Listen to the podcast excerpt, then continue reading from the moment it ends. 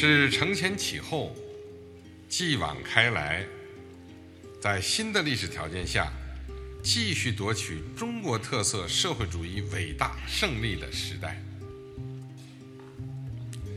是决胜全面建成小康社会，进而全面建设社会主义现代化强国的时代。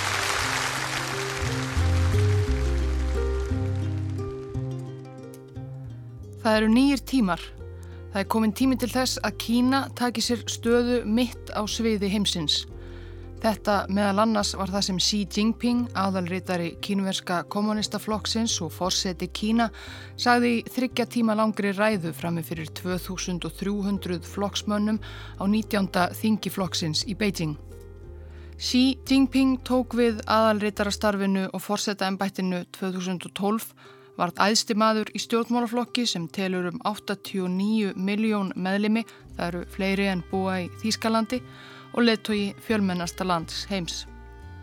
Hann var þá ekki sérstaklega þektur þó svo hann hefði unnið innan flokksins áratugum saman og sumir töldu að hann yrði ekki sérlega aðsópsmikill í ennbætti. Annað hefur komið á daginn. Xi Jinping er einhver ákveðinasti og sterkasti leðtogi sem sérst hefur í alþýðu liðveldinu Kína lengi, jafnvel frá dögum má formans, hafa einhverjir sagt. Heima fyrir er Xi ráðuríkur og íhaldsamur. Hann hefur látið takmarka enn frelsi þegna sinna til að tjá sig á internetinu til dæmis og lætur andof gegn sér almennt ekki líðast. Hann hefur látið fangelsa mörghundruð baráttumenn og andofsmenn en hann hefur líka barist gegn spillingu af atorku og valdatíð sís hefur undraverður efnahagsuppgangur Kína líka haldið ótröður áfram. Kína hefur orðið æg fyrirferða meira á alþjóða vettfangi. Og ekkert lendarmál að sí ætlar landi sínu enn meira, meiri auð og meiri mátt og sjálfum sér líklega enn meiri völd.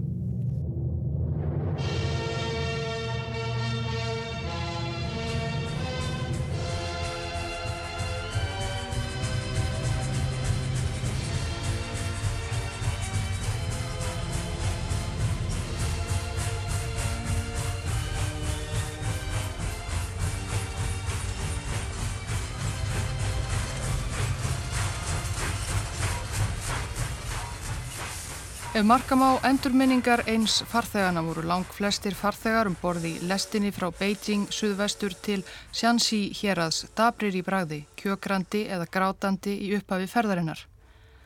Nefna einn ungur piltur, þessi eini sem síðar myndist þessar lestarferðar í dagbladsvittali. Hann hló að eigin sögn. Ættingar mínir spurðu mig hvernig ég gæti eiginlega hleyið, saði hann í viðtalinu. Ég saðist myndu gráta ef ég væri ekki að fara. Hefði ég verið um kyrt, veit ég ekki hvort ég hefði komist af. Það var gott að ég fór.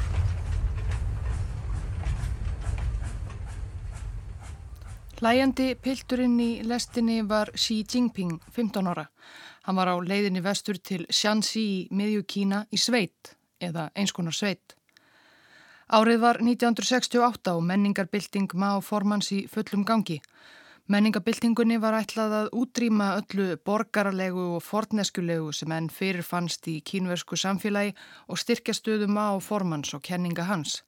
Bildingin tók á sig ímsarmyndir og liður í henni var átak þar sem ungmenni úr borgum og bæjum Kína voru send niður eins og það var kallað, send niður í sveitir landsins og ungmennin mættu af eigin raun kynnast erfiðri lífsbaróttu kínverskra kvotbænda, alþýðu landsins og vinna heiðarlega líkamlega erfiðisvinnum. Xi Jinping var einn af um 16 miljónum kínverskra ungmenna sem voru send þvers og krussum landið á þessum árum. Á nefa hafa ekki mörg borgarbörn fætt og uppalinn í Beijing hlakka til að yfirgefa fjölskyldur og vini til að flytja lengst út í sveit að púla. Það útskýrir eflaust grátin sem sí minnist þess að hafi ómaðum lestarvagnana við brottfur. En það er líka rétt að hann hafði meiri ástæðu til að gleðjast en flestir aðrir því framtíðarhorfur hans í höfuborginni voru ekki sérstaklega bjartar.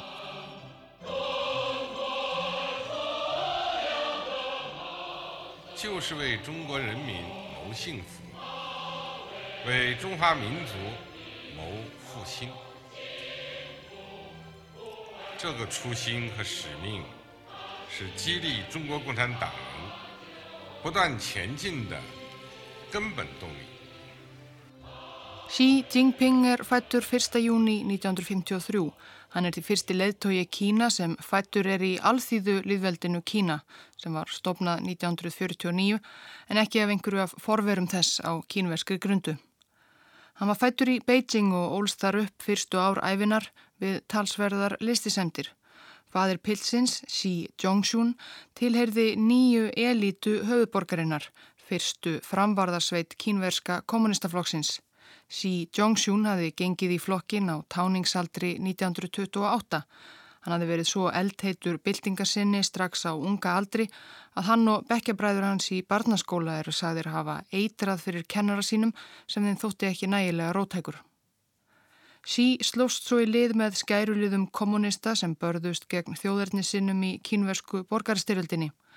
Í oktober 1935 var hann einn af fóristumönnum í herbúðum kommunista í bænum Yanan í norðanverðu Shaanxi í miðju Kína og tók á móti örþreyttum vopnabræðurum sínum sem hafðu þó horfað meira en 9000 km leið frá Jiangxi í suðaustri undan her þjóðarnisinna, gönguna löngu eins og það heitir í þjóðsögum kínverskra kommunista.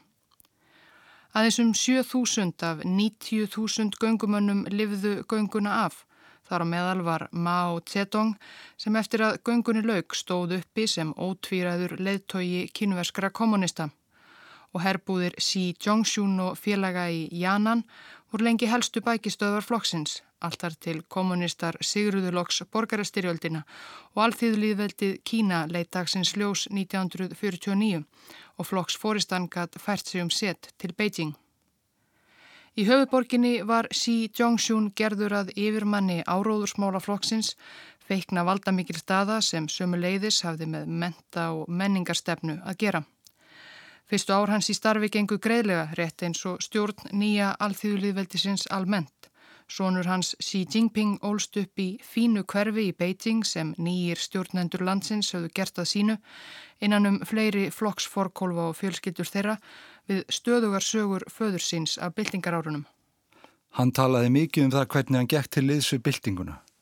Svo útskýrði hann hvað byltingin væri. Hann talaði svo mikið að við bræðurnir fengum sigg í eirun. Svo sagðan, þú átt öruglega eftir að gera byltingu í framtíðinni. Þeir voru kallaðir litlir prinsar, sínir flokksforkólfana á þessum tíma, því það var bara trúlegt þá að þessir piltar myndu á endanum taka við stjórn landsins af feðrum sínum. Þetta var á vissanátt bara eins og ný keisarahyrð þið tekið við stjórninni í Kína, kommunistar í stað Tsing, Ming, Yuan, Song og svo framvegis. En andrumsloftið við hyrð Más formans var ekki svo ljúft lengi. Þegar sjöundi áratugurinn gekk í gard fór formaðurinn að verða sífelt ráðríkari og óutreiknanlegri og ofsóknar brjálaðari. Hver af öðrum voru félagar hans frá upphafsárum kommunistaflokksins, vopnabræður og fóristu menn í líðveldinu látnir hverfa.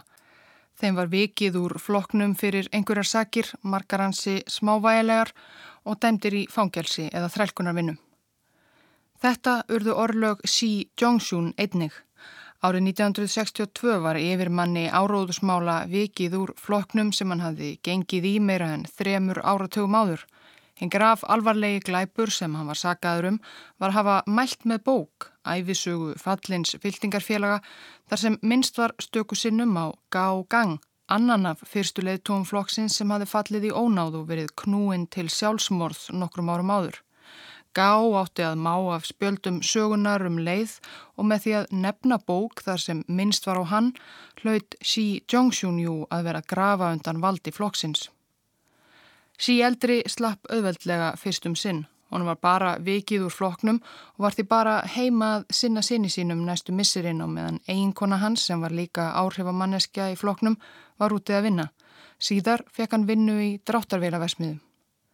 En ofsóknarbrjálaði Más og einstarhings hans átti bara eftir að magnast upp.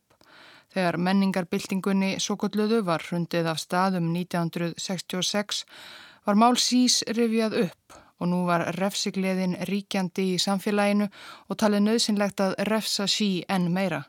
Hann var dæmdur í þrælkunarvinnu fyrir aðför sína að floknum. Það var því kannski skiljanlegt að Xi Jinping, sonur hans, var í fegin að komast burt úr eldfimu og fjandsamlegu andrumsloftinu í Beijing og út í sveit. Sem sonur tukthúslims og landráðamanns var hann hvortið er ekki gjaldgengur í ofstækisfullu rauðu varðsveitirnar sem örgönnur kínuversk ungmenni gengu í í menningarbyltingunni og gengu hvað harðast fram gegn meintum andofs og glæbamönnum. Og líka frekar saklausum sonum meintra andofsmanna Xi Jinping hefur sjálfur líst í hvernig rauðu varliðarnir í skóla hans og nákrenni ofsóttu hann sökum fadrinisins.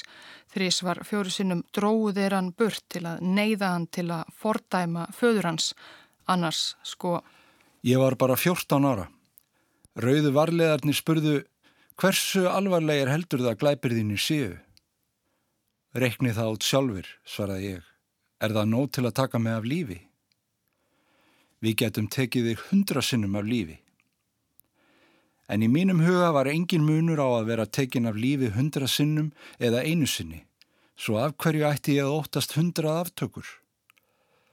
Varðlegarnir vildur hræða mig og sögðu að nú myndi ég fá að kenna á líðræðislegu einræði alþýðunar og ég ætti bara fimm minútur eftir. En að lokum sögðu þeir mér í staðin bara að lesa tilvittnanir í maður forman á hverjum degi fram á kvöld. Sí var kannski óttalauðs gagvart ofstæki rauðu varliðana en eins og hann hefur sjálfur viðkent ansi fegin að sleppa þó. Um borði lest frá Beijing sem að lokum flutti hann til Þorpsins Langjahe, ekki langt frá Janan, gömlu höfðustöðum föður hans á byltingarárunum í Shanxi.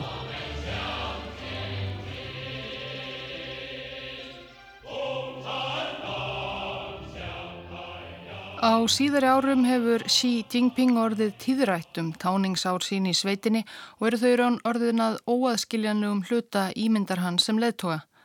Í þorpinu þar sem hann dvaldi er í dag starrætt sapn til engað Xi og árum hans þar og þanga leggur leið sína fjöldi stuðningsmanna Xis að skoða húsakinni hans, rúmið þar sem hann svaf og svo framvegis. Allt er þetta þó nokkuð dapurleg sjón. Markmiðið var að kynna ungmennum úr borginni erfiða lífsbaróttu alþýðurnar í sveitunum og hana fenguðu sannarlega að reyna. Xi Jinping varð að láta sér næja að flytja úr fínu hverfi í Beijing í helli. Það er kannski ekki alveg eins slæmt og það kann að hljóma á þessum slóðum í Kína nýttu sér margir hella sem grafnir voru í fjálslýðir og hæðar til búsettu svo þetta var ekki það ofennjulegt. En enguða síður harðuneskulegur íverustadur. Búið var að hlaða nokkur hörður rúm úr múrsteinum fyrir borgarpiltina sem svafu á strámóttum þrýr saman í hverju rúmi, notuðu fötu í einu horninu sem klósett. Lís og flær leku lausum hala í hellinum og á líkumum ungmennana og þau höfðu lítið að geta hana þenn gröð og brauð. Xi Jinping og hinnir drengirnir í hellinum unnu stöðuga erfiðisvinnu fyrir sveitunga sína, bára áburð á tún, þeir hlóðu stíplur, þeir byggðu brýr og gerðu við vegi myrkrana á milli. Auðvitað átti þetta að fylla þá kommunískum eldmóði og innblástri að lifa eins og fátækur almúin og starfa í þeirra þáum. Xi Jinping var þó ekki alveg svo hrifin af lífinu í hellinum.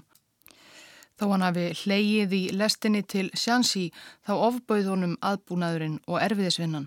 Þó hann væri hávaksinn, hann er 1.80 á hæð, var hann ekki sérlega sterkur og þreyttist fljótt. Eftir þrjá mánuði straukan og kom sér aftur heim til Beijing í hlýtt og mjúkt rúm og almennilegan mat. Það er kannski ekki fjallað mikið um einmitt þetta tímabil á hella árum sís í sapninu sem nú prýðir hellinans og þar sem af öllu að dæma fjallað er afar lofsamlega um leðtogan. Og þó sí viðurkennir flóttan sjálfur í grein sem hann ritaði um æsku sína, svonur gula jarðvegarins. Þetta var erfitt. Ég var bara 15 ára. Ég var einmanna í fyrstu, farin úr höfuborginni og ítt út í ókunnugt umhverfi umkringdur tortrygnum augum. Frelsið varði ekki lengi.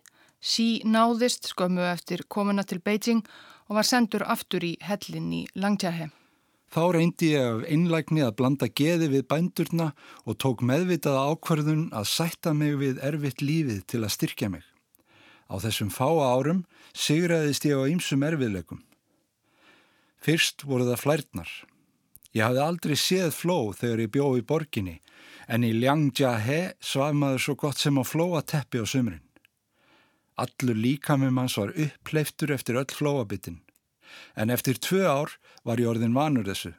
Ég svaf vært þrátt fyrir flærnar. Annað var maturinn. Ég var vanur því að borða fín hrísgrjón og kveiti en nú var ég að borða allskins grófmeti. En fyrir en síðar var ég farin að geta kynnt matnum og var farin að njóta þess. En í dag er ég hrifin af matnum í sveitum norður Shang-Chi. Tökum sem dæmi súrkál. Nú fer ég að sakna þess ef ég hef ekki borðað það í nokkra daga. Samkvæmt eigin skrifum sís og samkvæmt henni hefbundnu og já ríkis fyrir skipuðu sögu skoðun á æsku hans þá breyti dvölin í hellinum í langtjahe smátt og smátt hugsunarhætti hans og lífskoðunum. Fólkið fór smátt og smátt að koma fram við mig sem einn af þeim. Ég bjó og vann meðal þeirra og það var engin munur á þeim og mér. Það mikilvægasta sem ég læriði var að breyta hugsunarhætti mínum. Ég tilengaði með hreinskilna og praktiska lifnaðarhætti bændana og vinnusemi. Þegar ég kom fyrst í gulan í arðvegin 15 ára gamall var ég rugglaður og tindur. Þegar ég fór 22 ára hafði ég fundið stefnu lífsmins og var fullur sjálfsöryggis. Ég verð alltaf sonur gula jarðvegarins.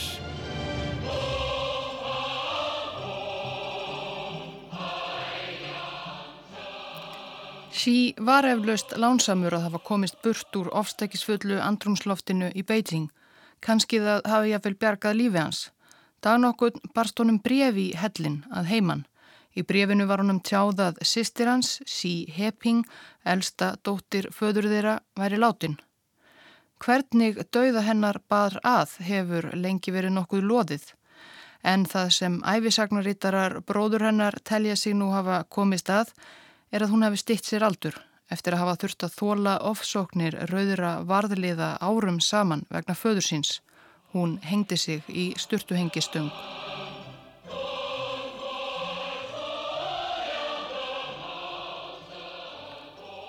Kunningjar sís og hellisfélagar frá þessum tíma minnast hann sem frekar fáskiptins og alvörugefins pilts. Hínir strákarnir stittu sér lausra stundir með því að spila póker og eldast við sveitastúlkur en sí tók lítinn þátt í slíku. Hann satt við ólíulampan sinn flest kvöld, reykti og las rítverk má formans. En það hefur sí líst í æfiminningagreinum og viðtölum að þrátt fyrir misjafna sögu foreldra hans í floknum hafi hann verið staðræðin í því að ganga í flokkin frá unga aldri. Það var þó hægara sagt en gert fyrir svon manns sem hafði fallið rækilega í ónáð. Átján ára þurfti hann að reyna aftur og aftur að ganga í ungliðarhefingu flokksins, skrifa fjölda umsókna sem sífelt var hafnað. Eitt skipti bauðan rittara ungleðarhefingarinnar á svæðinu í matilsín í hellin, gaf honum egg og guðsónar bollur en allt kom fyrir ekki, umsóknin strandaði enn á faderni hans. En loks í áttundu adrennu tókstað og rittarinn samþyktan. Svipað var uppi á teiningunum þegar sí tveimur árum síðar reyndi að taka stökkið úr ungleðarhefingunni og gerast fullgildur flokksmaður. Það tók tíu umsóknir en eftir lífið meðal kvotbændana í Shanxi mun sí hafa verið svo staðræðin í því að gera sitt í þáu alþýðunar að hann gafst ekki upp. Hann gekk í flokkin 1974 og það var byrjunin á miklum uppgangi sem myndi á endanum leiða hann í hæstu hæðir kínversks samfélags.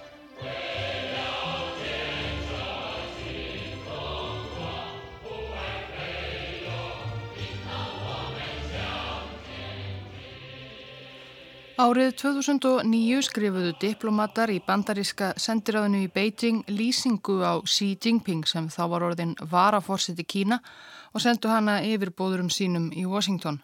Skjalið er eitt af þeim bandarísku diplomataskjölum sem lekið var til Wikileaks um árið. Það er vitnað til samtal sem sendir á starfsmæður átti við Vin Sís frá ungdómsárum þeirra sem þá var orðin profesor í bandarískum háskóla. Hann segir að vinir Sís á þessum tíma hafi verið nokkuð undrandi á þeim metnaði sem Sí síndi til þess að komast í kommunistaflokkin, jafnvel vonsveiknir. Profesorinn sagði að hann og hinnir hefðu fundið gjör ólíkar leiðir til að komast af eftir endalók menningabeltingarinnar. Profesorinn og vinnir hans voru að reyna að bæta upp fyrir glötuða árin með því að skemta sér og meðan sí las Marx og lagði grunninn að ferli í stjórnmálum. Á meðan profesorinn og nánustu vinnir hans leituðu á náðir ástarsambanda, áfengis kvikmynda og vestrætna bókmynda til að sleppa frá erfiðleikum sínum á hvað Xi Jinping hins vegar að komast af með því að verða rauðari en rauður.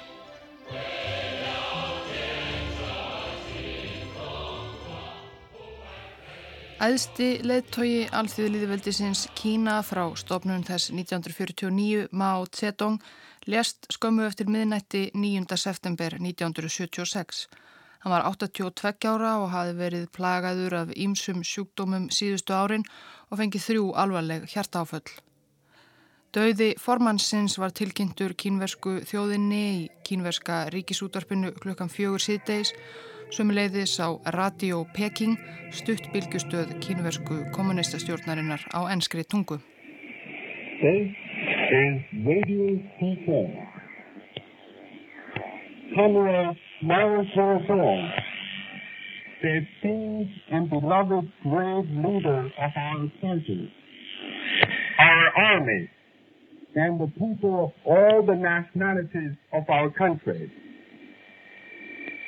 passed away at 010 hours, September the 9th, 1976. in Peking.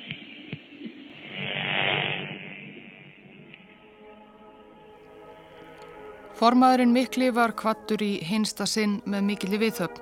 Miljón grátandi þegnar hans vitjuðu líkamsleifa hans sem lágu á viðhafnarbörum svipaður rauðum fána kommunista í höll fólksins í Beijing í viku.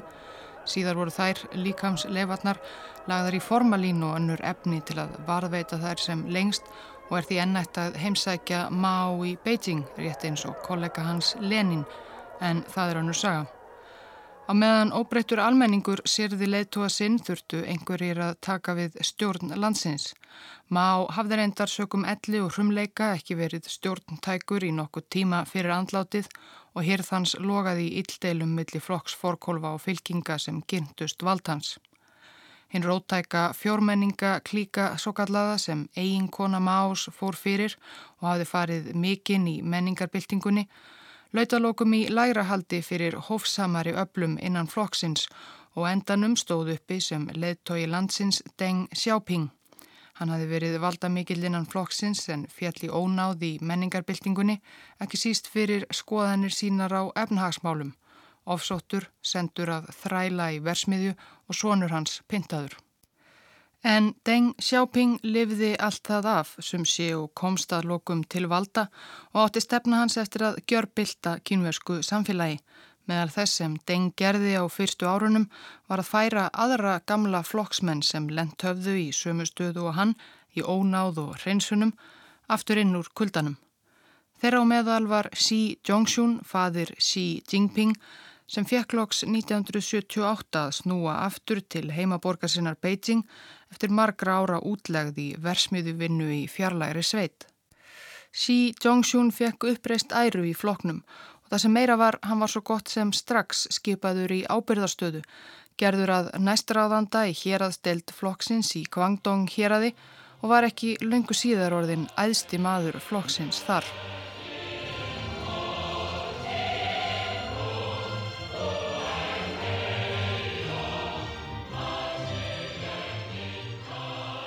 Kína er gríðarstórt land og fjölmend. Einstök kínuversk héröð eru mörg hver fjölmennari en flest þjóðríki heims.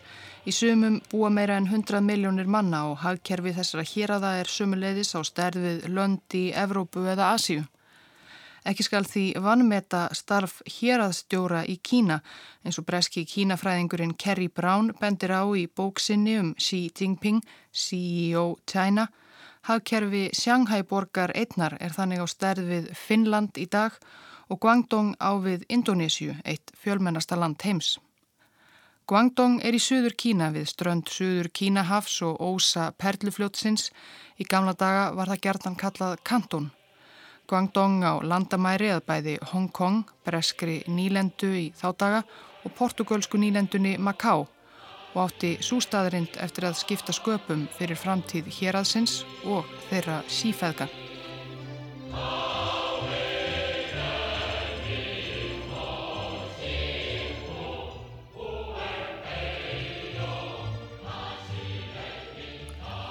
Umbætur Deng Xiaoping eftir dauða Maos sneru meðal annars að því að það vinda ofan af fáránlegum glæpum menningarbyltingarinnar svo að opna kínverska hagkerfið smátt og smátt og leifa vissa hluti sem voru ættaðir úr kapitalismannum og hafðu áður verið eitur í beinum kínverskra ráðamanna.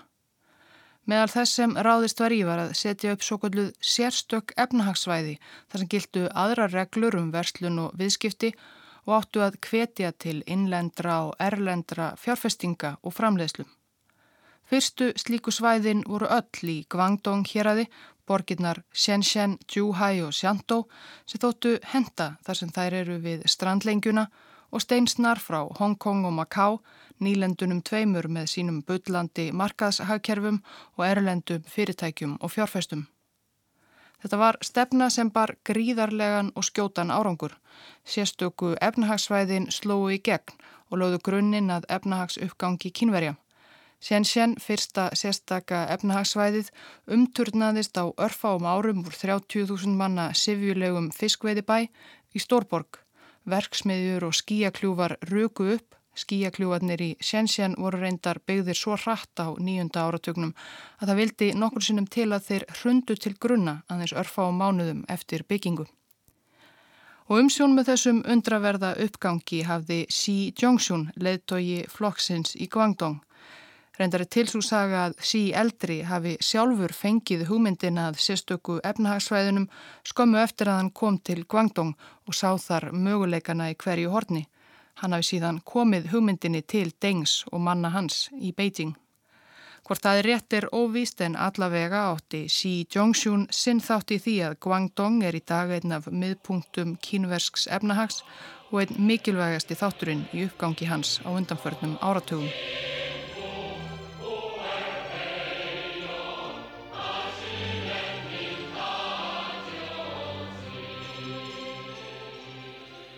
Svonurinn Xi Jinping var á meðan við nám. Hann hafði flutt úr hellinum 1975 eftir sjö ári í sveitinni og farið í háskóla í höfuborginni. Hann var skráður í efnaverkfræði en fyrstu árin í skólanum 75 og 76 varði hann eins og aðrir háskólanemar stórum hluta dagsins í að stúdera kenningar Marx, Lenins og Maus sem taldar voru mikilvægari á dögum menningarbyltingarinnar en flest annað nám. Námskránum var breytt í eðlilegra horf eftir andlát Maos og 1979 útskrifaðist efnaverkfræðingurinn Xi Jinping. Hann fór þó aldrei út í þann geira. Hann var enn með hugan við stjórnmólinn og við flokkin. Fadir hans rettaði honum því vinnu sem aðstóðamaður valda mikils manns sem jáfnframt var gamall kunningi hans. Það var formaður nefndar sem fór með her og varnarmál. Því starfi syndi sí í þrjú ár til ársins 1982. Þá sinnaðist yfirmanni hans nefndarformanninum og Deng Xiaoping um eitthvað og formaðurinn let undirmann sinn kurteisislega vita að hugsanlega væri það betra upp á framtíðar frama hans að hann leitaði sér að vinnu annar staðar. Það geti hamlað honum í framtíðinni að vera of tengtur honum, formanninum. Þetta reyndist gott ráð og því fór Xi Jinping aftur út í sveit.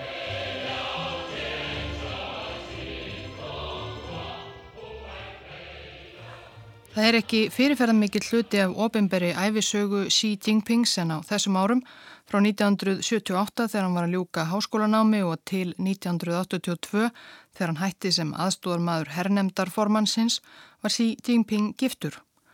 Kona hans hétt Ke Jiaoming og var dóttir sendiherra Kína til Breitlands, mentuð og elegant að mati vinar Sís, profesorsins í diplomataskjörum Wikileaks. En eitthvað var ráðahagurinn þó vanhugsaður því profesorinn segir ennfremur að ungu hjóninn hafi rivist svo að segja upp á hvern einasta dag. Enda skildu þau á endanum, hún flutti til Breitlands til föður síns og hann fór í sveitina.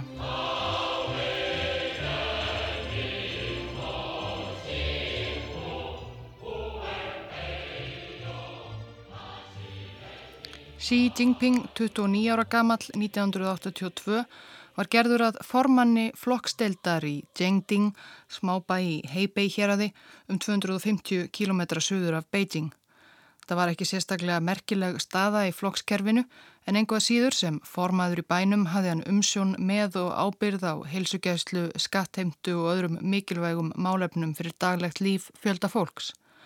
Og sí verðist á þessum tíma hafa verið búin að kortleggja leið sína upp á við nákvæmlega Veitnum aftur í skjalið úr bandaríska sendiráðinu í Beijing. Sí sagði profesornum á þessum tíma að það að fara út í sveit væri eina rétta leiðin í miðstjórnina. Sí fannst mikilvægt að þekkja fólk í miðstjórn flokksins og hafa augað á miðjunni, jafnvel á meðan hann vann sig upp sem embætismæður í sveitinni. Sí kunni á kerfið og kunni að rækta persónulegt tengslanett, fyrst í gegnum föður sinn og svo byggði hann upp sitt eigið nett. En árin liðu og einhvers konar stöðuhækkun let á sér standa. Flokksformaðurinn í síslunni þarna, yfirmaður sís, mun hafa verið á móti mönnum eins og honum sem hefðu komið sér á framfæri gegnum foreldra eða ættingja. Sí var enn litli prinsinn frá Beijing. Þannig að Sí flutti á endanum annað, suður til Fujian. Það er 2 miljón manna hér að á suðu austurströndinni, hinum eigin við sundið frá Tæfan og þar var gamal vinur pappa hans sem öllu réði og gætt rettað honum enn betri stöðu í hérastjórnkerfinu. Svona lísti kunningi Xi Jinping honum þá nýkomnum til Fujian í samtali við New Yorker löngu síðar. Hann var hávaksinn og þrekin og leita álitið út fyrir að vera úti á þekju. Hann virtist vera rekklus og hreinskilin. Hann var úr norðri og hann skildi ekki alveg suðrið. Hann talaði bara ef hann hafði í raun eitthvað að segja hugsaði allt áður vandlega en hann opnaði munnin og lofaði ekki upp í ermin á sér. Hann talaði sjaldan um fjölskyldu sína því hann átti erfiða fortíða baki og misetnað hjónaband. Eftir ári fútíðan gata hann þó loks farið að hætta að hugsa um misefnaða hjónabandið. 1986 þegar sívar 33 kynntist hann Peng Líuan í gegnum sameinlega vini. Peng var nýja árum yngri, 24 og þegar orðin einaf frægustu þjóðlagasöngunum landsins.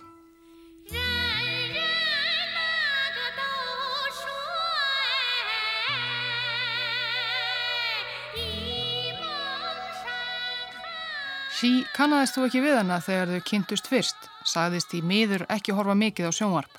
En hann ákvað eftir að hafa spjallað við hana í minna en klukkustund að þessari konu myndi hann giftast, sem hann gerði ári síðar og þau eru enn saman og Peng er enn að syngja. Lengst af á ferli sís, já eiginlega alveg þar til það var orðið útséð að hann erði æðsti leðtói flokksins, var fræð hennar mun meiri en hans, svo hann var þekktari sem Xi Jinping eiginmaður Peng Liuan en Xi Jinping stjórnmálamadur.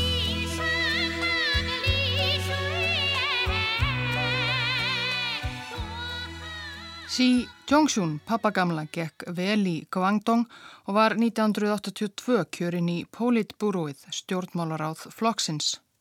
En hann var metnaðar gjarn og þegar hann sá hvaða undur þessar tilraunir með markaðshagkerfið gerðu fyrir Guangdong var hann þess fullvissum að það þyrti að ganga enn lengra í þá átt. Aðrir í elituflokksins voru á sömu skoðun en alls ekki allir.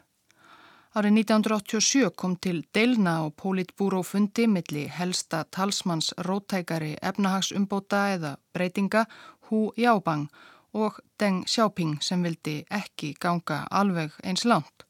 Xi Zhongxun var sá eini sem stökk Hu til varnar.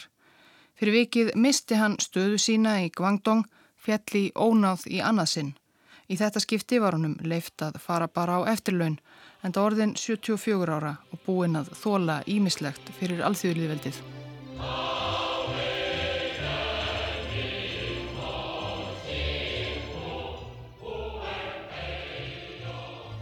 Engu tíman var Xi Jinping spurður að því hvaða áhrif stormasum fjölskyldusaga hans, sýrilagi saga föður hans, hefði á stjórnmálaskoðanir hans og feril. Hann svaraði Fólk sem hefur litla reynslu af valdi, þeir sem eru fjarlægir því, halda gjarnan að þessir hlutir séu dularfullir og nýstorlegir. En ég lít fram hjá því yfirborskenda, blómunum, dýrðinni og fagnaðalátunum. Ég sé hverflindi mannlegra samskipta. Ég skil stjórnmál á dýbri hátt.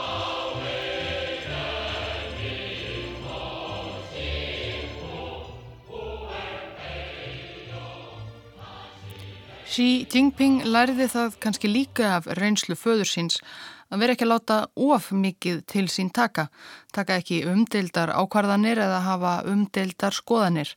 Láta er raun lítið fyrir sér fara og sigla lignan sjó í átt að topnum.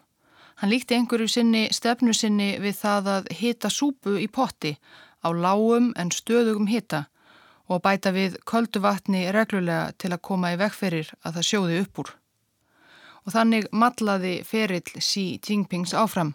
Í Fujian barðist hann sérstaklega gegn spillingu en gæti sömuleiðis litið framhjá slíku ef það hentaði betur. Árið 2002 færði hann sig frá Fujian til næsta héraðs til norður, Xiejiang og var fljótt skipaður héraðstjóri og var sama ár kjörin í miðstjórn kínverska kommunistaflokksins eins og hann hafði ef markam á orð profesorsins ónemnda við bandaríska sendiráðstarfsmenn þá stemtað áratugum saman. Hann var komin í miðju valdsins. Sem hérastjóri í Xiejiang vakti enn aðtegli fyrir að berjast gegn spillingu, auka hagvöxt og vakti heldur ekki á sér neina neikvæða aðtegli sem var kannski jafnum mikilvægt. Hann var aðalega eiginmaður Peng Liuan í augum kynversks almennings.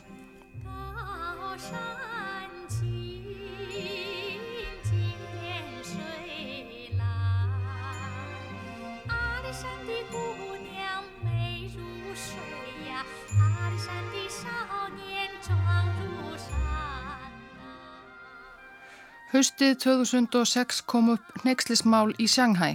Flokksformaðurinn, eðsti ráðamæður borgarinnar, hafði farið ógætilega með almannafíja. Formaðurinn var látin fara og í staðin fyrir hann var náði aðalmannin í næsta héræði til söðurs. Það var flekklaus náungi sem átti langan ferilað baki án þess að hafa gerst uppvísum nokkuð misjamt. Alþýðilegur maður sem hafi barist gegn spillingu af atorku. Svo var hann giftur frægri söngkonu. Þetta var Xi Jinping í Xiejiang sem þarna haustið 2006 tók við stjórninni í Shanghai. Þetta var valdamesta staða hans til þessa. Það að Xi skildi treyst fyrir stjórn Shanghai þessar fornfrægu stórborgar var ótvírætt merki þess að hann væri á framabraut á landsvísu. Maður ætti að leggja nafn hans á minnið. Hann væri Xi Jinping stjórnmálamadur á uppleið, ekki bara Xi Jinping eiginmadur söngkonunar og í Shanghai stóð Sísig eins og hann hafði gert annar staðar á ferlinum. Hann barðist gegn spillingu og óþarfa fjárútlátum hjá hennu ofinbera og þótti alþýðilegur og hóvær og flæktist ekki sjálfur í neyn misjöfn mál og eignaðist fáa óvinni. Hann var þó ekki lengi í Shanghai. Á flokksþingi í oktober 2007 var Xi Jinping valin í fastanemnd stjórnmálaráðs flokksins. Fastanemndin yfirleitt skipuðum 7-9 manns er hæstu hæðir flokksins. Nemndarmenn fara með æðstu stjórn kínverska ríkisins. Staða nýja nemndarmannsins benti til þess að honum væri svo ætlaðir enn stærri hlutir á næstu árum að taka við leiðtóakeflinu. Það var þók, honum var falið um sjón með ólimpíuleikunum 2008, ári síðar var hann gerður að varaforsetta og loks þegar komað næsta flokksþingi 2012 var hann komin á toppin á 88 miljón manna flokkspíramíðanum og orðin leðtogi alls Kína.